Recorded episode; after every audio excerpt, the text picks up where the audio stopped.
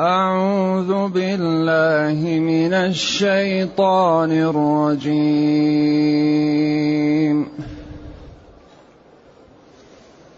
بسم الله الرحمن الرحيم.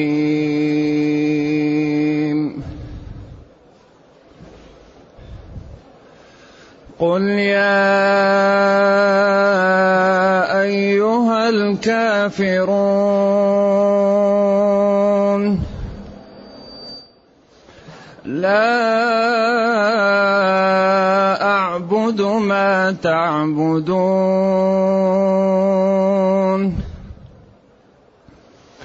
ولا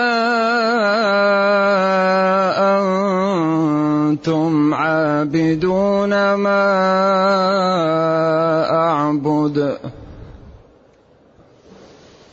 ولا أنا عابد عبدتم ولا أنتم عابدون ما أعبد. لكم دينكم ولي دين.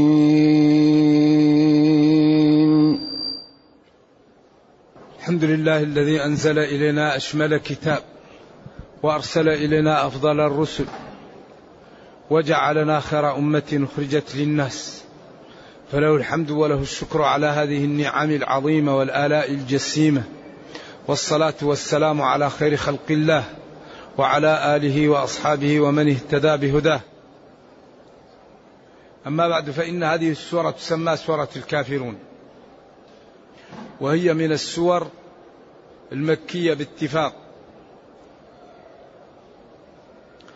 وكانت نزلت لأن قريشا قالوا للنبي صلى الله عليه وسلم اعبد إلهنا أو آلهتنا سنة ونعبد إلهك سنة.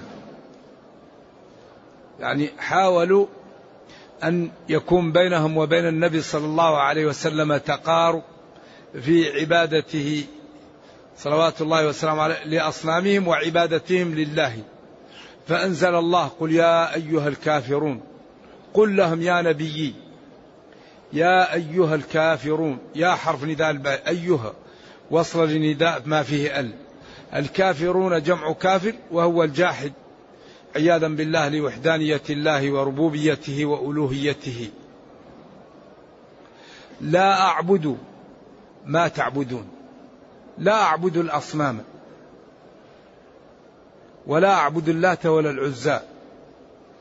ولا أنتم عابدون ما أعبد وهذا يتعين في ناس ختم عليهم بالشقاوة. كأبي لهب وك يعني فرعون الأمة اللي هو أبو جهل. إذا ولا أنتم عابدون ما أعبد هذا يتحقق في الذين حقت عليهم كلمة ربك. لا يؤمنون كأبي لهب. ولا أنتم عابدون ما أعبد في الحال ولا أنا عابد ما عبدتم في المستقبل. ولا أنتم عابدون ما أعبد وهو الله في المستقبل. وهذا يعني الذي يزيل الإشكال فيه أن هذا بناس بأعيانهم. الله ختم عليهم بالشقاوة وأنهم لا يعبدون الله.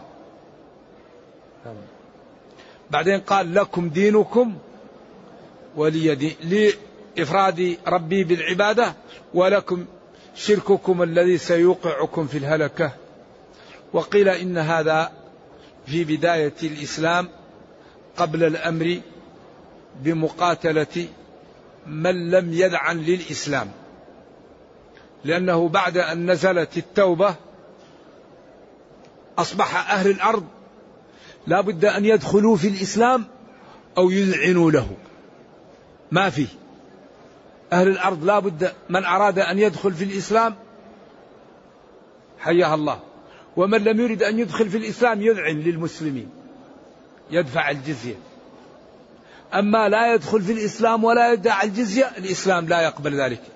ويكون الدين كله لله.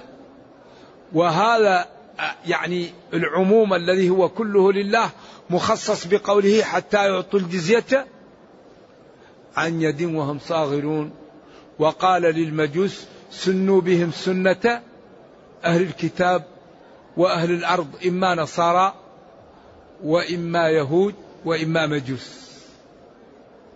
أما جزيرة العرب فلا أحكام تخصها. نعم. بسم الله الرحمن الرحيم.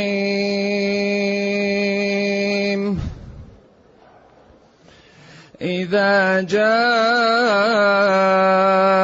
نصر الله والفتح ورأيت الناس يدخلون في دين الله أفواجا ورأيت الناس يدخلون في دين الله أفواجا فسبح بحمد ربك فسبح بحمد ربك واستغفره إنه كان توابا.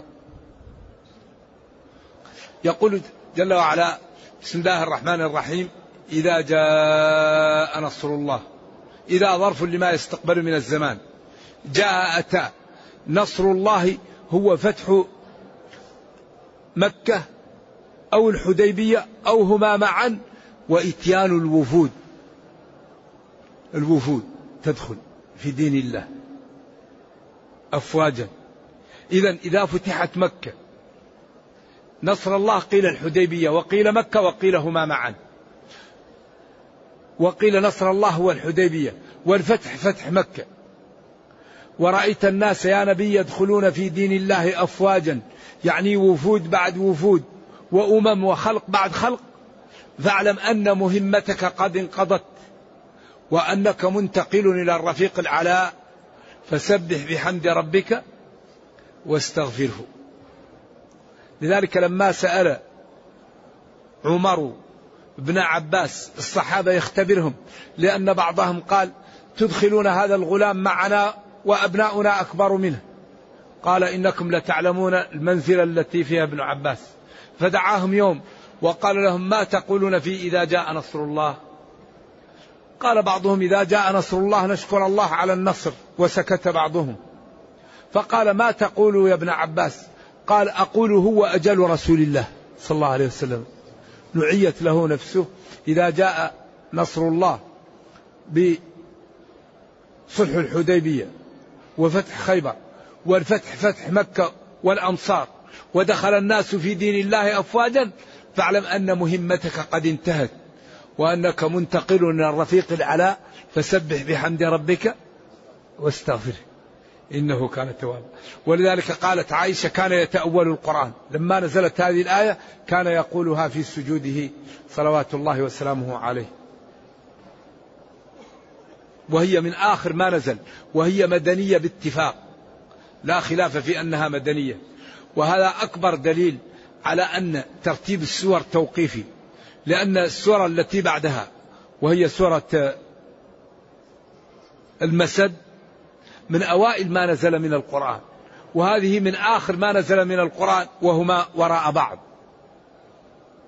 فالقضية توقيفية. هذا هو الذي يظهر من النصوص وهو الحق إن شاء الله. وإن قال جلة من العلماء بخلاف ذلك. بسم الله الرحمن الرحيم.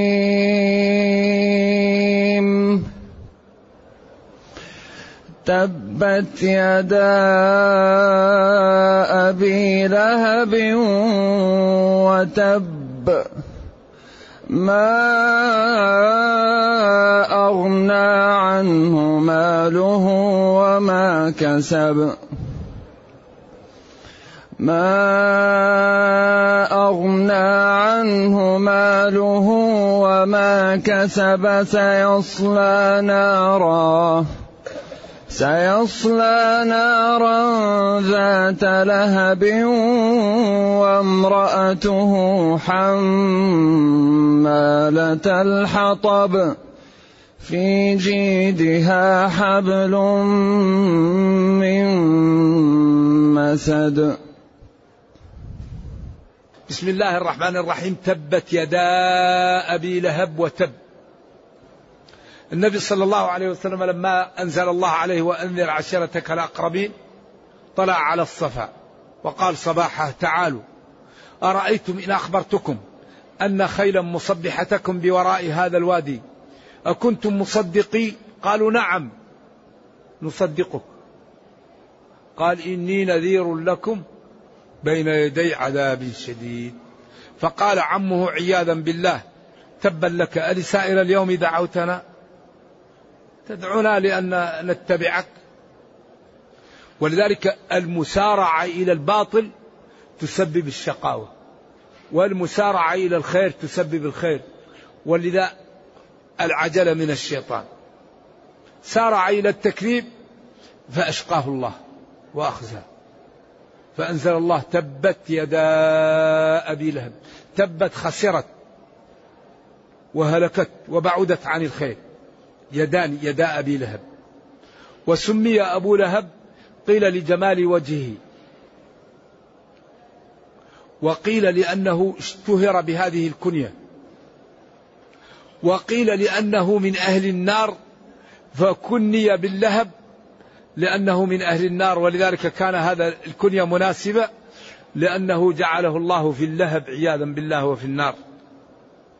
وتب خسر ما أغنى عنه ماله وما كسب. ما يحتمل أن تكون استفهامية وما أن تكون نافية. لم يغن عنه ماله شيء أو أي شيء أغنى عنه ماله. وما كسب يحتمل أن تكون موصولية أو مصدرية. الذي كسبه أو, كسب أو كسبه. إذا لم يغن عنه ماله شيء أو أي شيء أغنى عنه المال. وما كسب أولاده. أو ما جمع أو ما كان عنده تلاد على الأقوال. وأقوى شيء ماله الذي عنده والكسب الذي هو أولاده لأن كسب ولد المرء من كسبه. سيصلى يدخل نارا أي عظيمة كبيرة. ذات لهب صاحبة اشتعال ووقود. وامرأته حمالة الحطب حمالة الحطب. الجمهور قرأوا حمالته. حفص حمالته وابن كثير سيصلى نارا ذات لهب الجمهور لهب. كل قراءة سبعية وكل صحيح. حمالة الحطب فيها أقوال. قيل كانت تأخذ الشوك وتضعه في طريق المسلمين. وقيل تمشي بالنميمة. تشعل نار الكراهية والفتنة بين المسلمين. وقيل تفعل ذلك كله تمشي بالنميمة وتضع الشوك في طريق المسلمين. في جيدها في عنقها حبل الحبل معروف من مسد من ليف. الليف الذي يعمل مما يكون في النخيل كان يعمل منه الحبال وحبل خشن فيوضع في رقبتها وترفع به وترمى في النار. وقيل كانت لها قلادة فباعتها للتشهير بالنبي صلى الله عليه وسلم وكانت تقول مذمم قلينا. فقال أما ترى كيف الله صرف عني يعني شتمهم ودعاءهم؟ أنا ربي سماني محمد وهم يشتمون مذمما. وأنا اسمي, اسمي محمد. كما ورد في الأثر. كيف الله يصرف هذا عنه؟ وامرأته حمالة الحطب. عياذا بالله سواء كان تضع الشوك وسواء كانت تمشي بالنميمة أو غير ذلك. في عنقها حبل القلادة التي باعتها وصرفتها لأجل أذية الإسلام والمسلمين. تجعل في بدلها حبل في عنقها وترفع إلى النار وترمى فيها. أرجو الله السلام والعافية. بسم الله الرحمن الرحيم. قل هو الله أحد. الله الصمد. لم يلد ولم يولد. ولم يكن له كفوا أحد. بسم الله الرحمن الرحيم. قل هو الله أحد. هذه السورة قال اليهود صف لنا ربك. وعلى ذلك قالوا هي مدنية. وقالت قريش انعت لنا ربك. فنزلت السورة. على ذلك هي مكية. اذا اختلفوا. من الذي قال لهم صف لنا ربك؟ فإن كانت اليهود قالوا هذه مدنية. وإن كانت قريش قالوا هذه مكية. وهي مختلف فيها. وكونها مكية أوضح من سياقها. قل لهم يا نبي على ما ذكروا الله أحد. الله واحد. لا ثاني له في عبوديته. ولا في ربوبيته ولا في كمال أسمائه وصفاته وجلاله. واحد. أمره إذا أراد شيئا أن يقول له كن فيكون. وما تسقط من ورقة إلا يعلمها. والعالم في يده أصغر من حبة خردل. يعز هذا ويذل هذا ويحيي هذا ويميت هذا ويغني هذا ويفرق ويفقر هذا. الله الذي خلقكم ثم رزقكم ثم يميتكم ثم يحييكم. هل من شركائكم من يفعل من ذلكم من شيء؟ إذا الله واحد الله مبتدأ وأحد خبرها. أو الله مبتدأ وأحد مبتدأ والصمد خبر المبتدأ. الله مبتدأ والصمد خبر والجملة من المبتدأ والخبر مخبرة عن المبتدأ الأول على الخلاف الموجود. الله واحد. الله الصمد. فيها أقوال عديدة. والصمد هو الذي تحتاجه الناس لحوائجها. يرفع عنها المرض. يعطيها الصحة يعطيها الغناء يعطيها الولد يعطيها الجاه. هو الذي تصمد إليه الناس عند حوائجها. فهو الصمد. ولذلك إذا جاءت الكربات للمسلمين وللكفار يلجؤون إلى الله. إلا نابت عياذا بالله إذا جاءتها الكربات تلجأ إلى غير الله وهذه عجيبة. الكفار إذا دهمتهم الكروب دعوا الله مخلصين له الدين. وإذا غشيهم موج كالظلل دعوا الله مخلصين له الدين. فلما نجاهم إلى البر إذا هم يشركون. وفرحوا بها. جاءتها ريح عاصف وجاءهم الموج من كل مكان وظنوا أنهم أحيط بهم. دعوا الله مخلصين له الدين. وسبب إكرام إسلام عكرمة بن أبي جهل لما فتح النبي صلى الله عليه وسلم مكة أخذ سفينة وذهب إلى الحبشة فهاج عليهم البحر. فقال أهل السفينة احذروا أن تدعوا ربا غير رب محمد. فقال اللهم إن كان لا ينجي في ظلمات البحر إلا هو. البر فلا ينجي في ظلمات البر, البر إلا هو. اللهم لك علي عهدا إن أنقذتني لأضعن يدي في يد رسول الله صلى الله عليه وسلم. فلما نجاه الله جاء ودخل في الإسلام.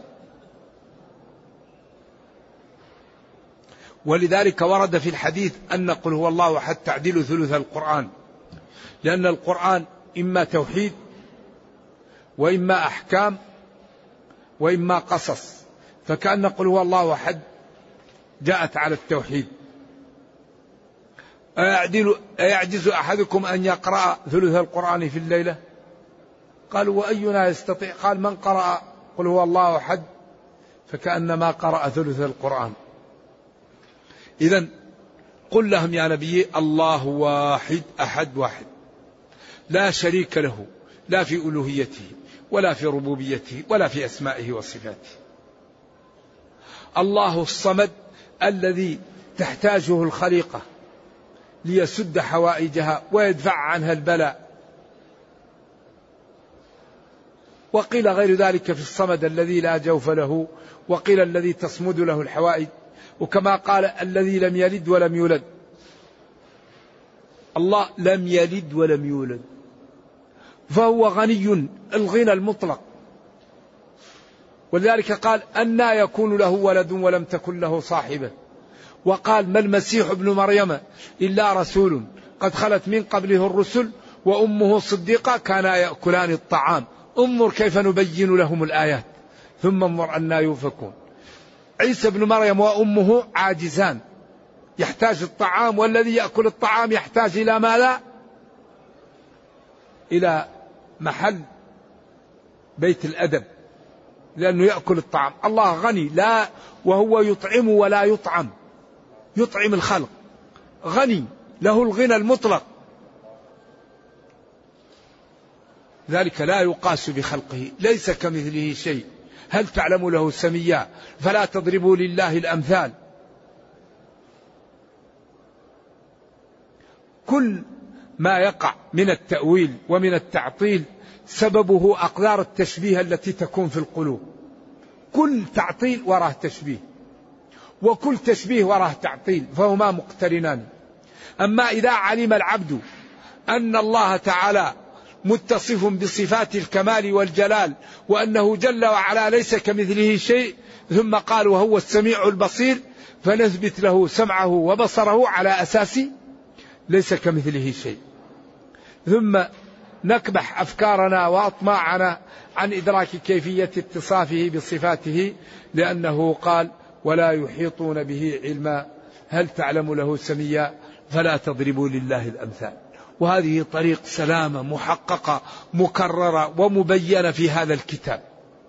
لذلك هذا الدين موضوع في قوالب لا تقبل إلا التسليم والمكابرة. أول أمر في المصحف اعبدوا ربكم. وأول نهي في المصحف فلا تجعلوا لله أندادا. وهذين الإنشاءين أعني الأمر والنهي هما معنى لا إله إلا الله محمد رسول الله مفرق بأدلته. وبرهان محمد رسول الله وإن كنتم في ريب مما نزلنا على عبدنا فأتوا ما قال فقد كفرتم. إذا لا إله إلا الله محمد رسول الله مفرقة بأدلتها في أول سورة البقرة بعد أن قسم أهل الأرض إلى كفار ومنافقون إلى كفار ومنافقين ومسلمين. ثم ناداهم وبين لهم لا إله إلا الله محمد رسول الله. إذا ولم يكن له كفوا أحد. كفوا أحد. كفوا أحد. كلها قراءات سبعية وكلها صحيحة. كفءا كفوا. كفوا.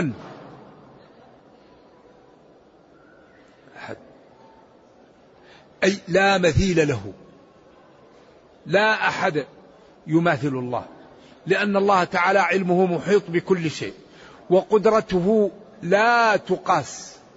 وعلمه وإرادته وملكه.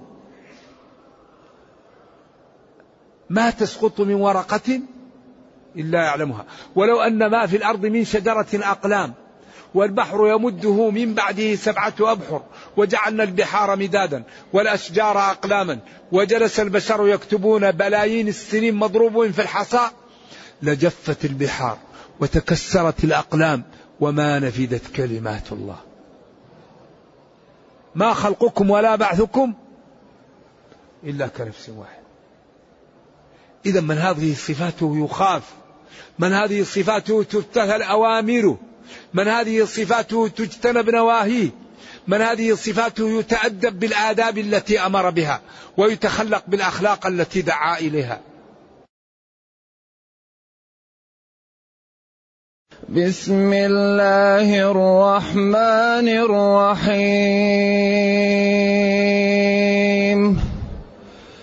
قل أعوذ برب الفلق من شر ما خلق. من شر ما خلق ومن شر غاسق إذا وقب ومن شر النفاثات في العقد. ومن شر النفاثات في العقد ومن شر حاسد إذا حسد.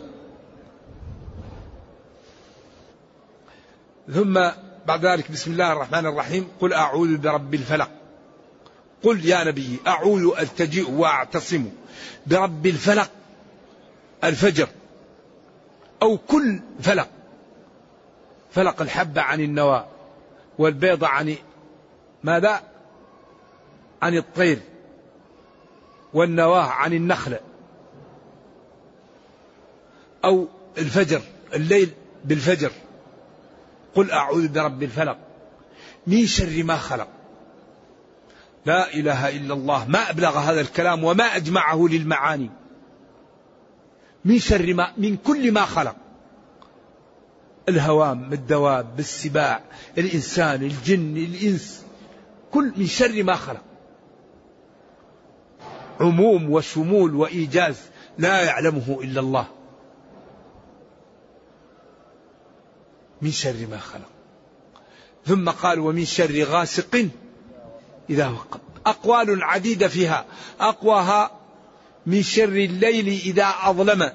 فإن الحيات والسباع والسراق والشطار إذا جاء الليل وأظلم ينتشرون. والشياطين سواء كانوا من الجن والإنس غاسق إذا وقب. أقوى شيء أن الليل إذا أظلم. فكل يعني ما يضر يخرج. الحيات السباع الذئاب الشياطين السراق كلهم يخرجون في هذا الوقت. وقيل أقوال عديدة في غاسق إذا وقب. قيل الشمس قيل الليل النهار إذا إذا غاب وكله خلاف تنوعي. ومن شر النفاثات في العقد. هذا لخطورتها أفردت. لاحظ أنه قال من شر غاسق ومن شر حاسد ثم قال بينهما ومن شر النفاثات.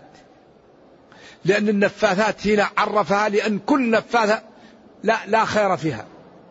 أما الغاسق إذا لم يقب والحاسد إذا لم يحسد فيكون خطره أقل وأمره أخف.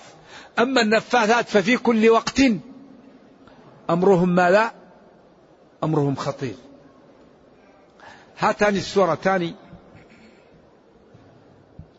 نزلتا على النبي صلى الله عليه وسلم عندما سحرته بنات لبيد الأعصم ولبيد الأعصم وجلس مدة من الزمن.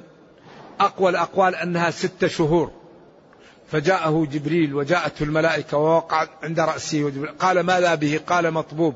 قال ومن طبه؟ قال لبيد بن الأعصم وبناته.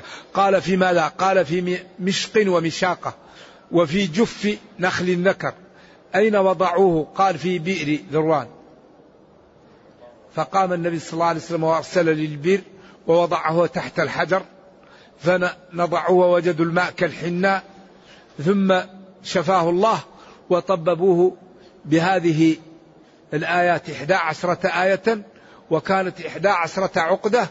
كل ما قرأ آية ونفثا حلت عقدة. وشفاه الله وقال له ألا تعاقب هؤلاء؟ ورد أنه قال شفاني الله ولا أريد أن أفتح شر على الناس.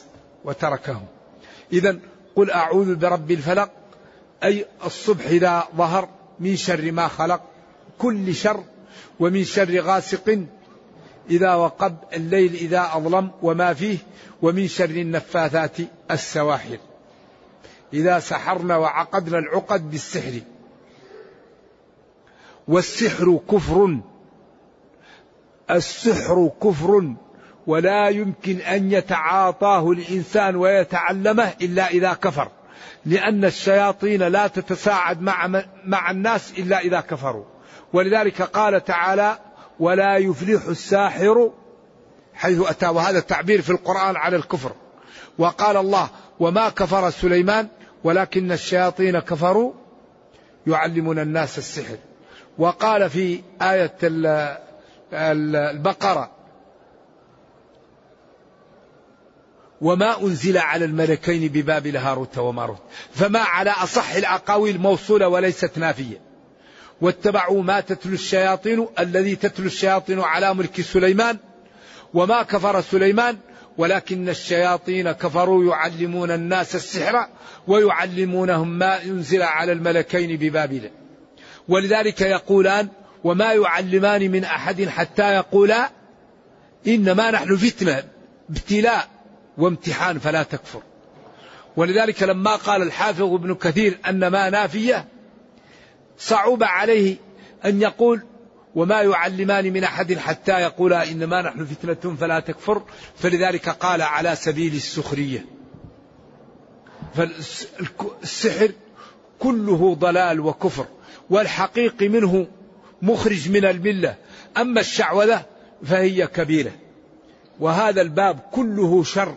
وينبغي للمسلم أن يكتفي بالكتاب.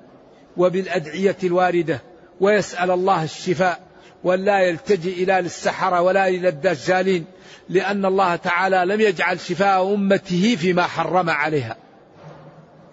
أما الذي إذا مرض يذهب للمشعوذين ويذهب لهذا هذا أمر غاية في الخطورة وأنت هذا عياذا بالله قد يسبب لك التعلق بغير الله. وإذا مرضت فهو يشفين. ما خلق الله داء إلا وخلق له دواء. وبعدين الإنسان يسأل الله ويقرأ سورة البقرة ويقرأ المعوذتين ويقرأ آية الكرسي وننزل من القرآن ما هو شفاء ورحمة للمؤمنين. فالقرآن كله شفاء وكله خير وبركة.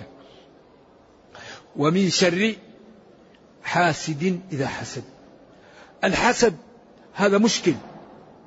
وأول داء عصي الله به في السماء هو الحسد. وأول معصية عصي الله به في الأرض هو الحسد. والحاسد عياذا بالله دائما حزنان ومريض. وهو يغضب أن الله أنعم على خلقه. وهو يعترض على الله. وهي دناءة عياذا بالله. ولا توجد معصية أكبر من الحسد إلا الكفر. اللهم الربا. والحاسد إذا حسد تكون عينه قاتلة.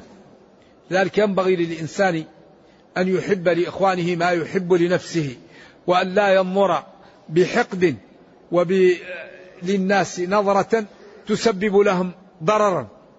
ولذلك قد الإنسان يصيب بالعين نفسه وولده وماله. فلذلك إذا رأى ما يعجبه فليذكر الله. ويسمي وليبارك عليه ويقول حفظك الله ما شاء الله لا قوة إلا بالله. نعم. ولذلك لا ينبغي للإنسان أن ينظر للمسلمين وأموالهم نظرة يعني من غير أن يغض بصره ويذكر الله حتى لأن ذلك فيه ضرر. إذا والحاسد إذا حسد قد يقتل بحسده وقد يمرض. نرجو الله السلام والعافية. بسم الله الرحمن الرحيم.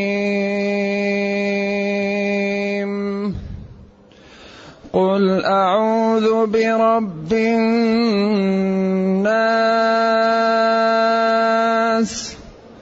ملك الناس إله الناس.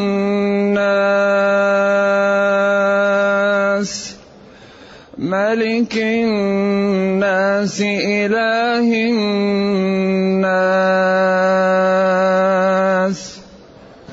من شر الوسواس الخناس الذي يوسوس في صدور الناس من الجنة والناس. ثم قال بسم الله الرحمن الرحيم قل أعوذ برب الناس ملك الناس إله الناس. لاحظوا معي أن الله تعالى ختم القرآن بأقسام التوحيد الثلاثة وبدأ القرآن بأقسام التوحيد الثلاثة. مما يدل على أهمية التوحيد وأنه لا بد منه. فقال في, في, في الفاتحة الحمد لله توحيد الألوهية. رب العالمين توحيد الربوبية. الرحمن الرحيم توحيد الأسماء والصفات. وقال في سورة الناس قل أعوذ برب الناس توحيد الربوبية. ملك الناس توحيد الأسماء والصفات. إله الناس توحيد الألوهية. شوفوا هذا هذا هذا القرآن موضوع في قوالب آية في الجمال آية في الحسن آية في الإقناع. لكن نحن نائمون. ينبغي أن نستيقظ وأن نأخذ الكتاب بقوة وأن نظهر للعالم جمال الدين في حياتنا. ينبغي أن نتمسك بهذا الدين وأن نظهر للناس أن عز العالم وكرامته ورفعته وسعادته بهذا الدين. هذا الكتاب من تمسك به لن يضل وسيدخله الجنة. فحري بهذه الأمة أن تعتني بالبرامج الجادة لإنقاذ البشرية. إذا قل أعوذ برب الناس ملك الناس. قالوا لم لا يستعذ بكل شيء؟ قال لأن هذه الآية هذه السورة جاءت للاستعاذة من الناس لأنهم هم الذين يأتون آه، بالمشاكل. سواء كانوا ناس من الإنس أو الجن على أنهم تقال لهما. قل أعوذ برب الناس ملك الناس إله الناس. هنا بدأ بالتدرج. رب الناس الرب يطلق على أكثر. رب البيت ورب الدابة. ملك الناس الملك يطلق على الناس ولكن يطلق على أقل ممن يسمى بالرب. إله الناس لا يطلق إلا على الله. إذا هنا أخذ في التدرج. من شر الوسواس. الوسواس الذي يوسوس للإنسان يمنعه من الخشوع يمنعه من الطاعة يحزنه يشغله يضيع وقته. الخناس الذي يخنس ويبتعد عند ذكر الله وعند الطاعة. في صدور الناس قالوا لم يقل في قلوب الناس وإنما قال في صدور لأنه هو قريب من القلب يحوم حوله. هذا الخناس الذي يوسوس على القول الراجح أنه يكون من الجن ومن الناس. القول المرجوح هذا الخناس من الجن ولكن هو يوسوس في صدور الناس. نعم. ويكون الكلام فيه تقديم وتأخير لكن الأول أرجح. قيل لما كان القرآن أعظم شيء ينتفع به أمر الله في بدايته أن يستعاذ من القرآن. فقال جل وعلا فإذا قرأت القرآن فاستعذ بالله. على السنية أو على الوجوب أو على الندب الأقوال الموجودة. ولما كان نهاية القرآن إنسان ينتهي منه قد ينتابه الشيطان جعل في آخر القرآن الاستعاذة منه من الشيطان ليحتفظ العبد من الشيطان في أول قراءته وفي نهايتها فتكمل له المنفعة والاستفادة من هذا الكتاب الذي هو مجمع للخير ومجمع لكل ما يحتاجه البشرية. لذلك بدأ القرآن بالاستعاذة وختمه بالاستعاذة. ولما كان أفضل السور سورة الفاتحة بدأ بها القرآن ولما كان أفضل السور المعوذتين ختم بهم القرآن فأصبح القرآن مبدوءا بأفضل السور ومختوما بأفضل السور وهذا من جمال الابتداء والختام. نرجو الله جل وعلا أن يختم بالسعادة آجالنا وأن يقرون بالعافية غدونا وآصالنا.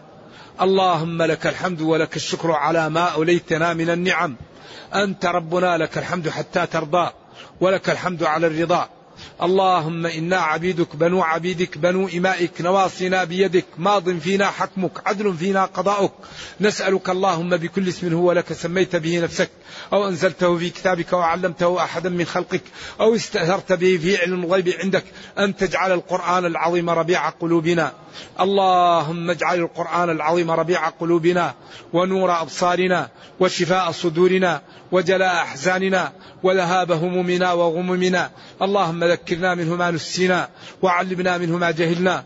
وارزقنا تلاوته آناء الليل وأطراف النهار على الوجه الذي يرضيك عنا. اللهم الزم قلوبنا حفظ كتابك كما علمتنا وارزقنا أن نتلوه على النحو الذي يرضيك عنا. اللهم يا بديع السماوات والأرض يا ذا الجلال والإكرام يا ذا العزة التي لا ترام.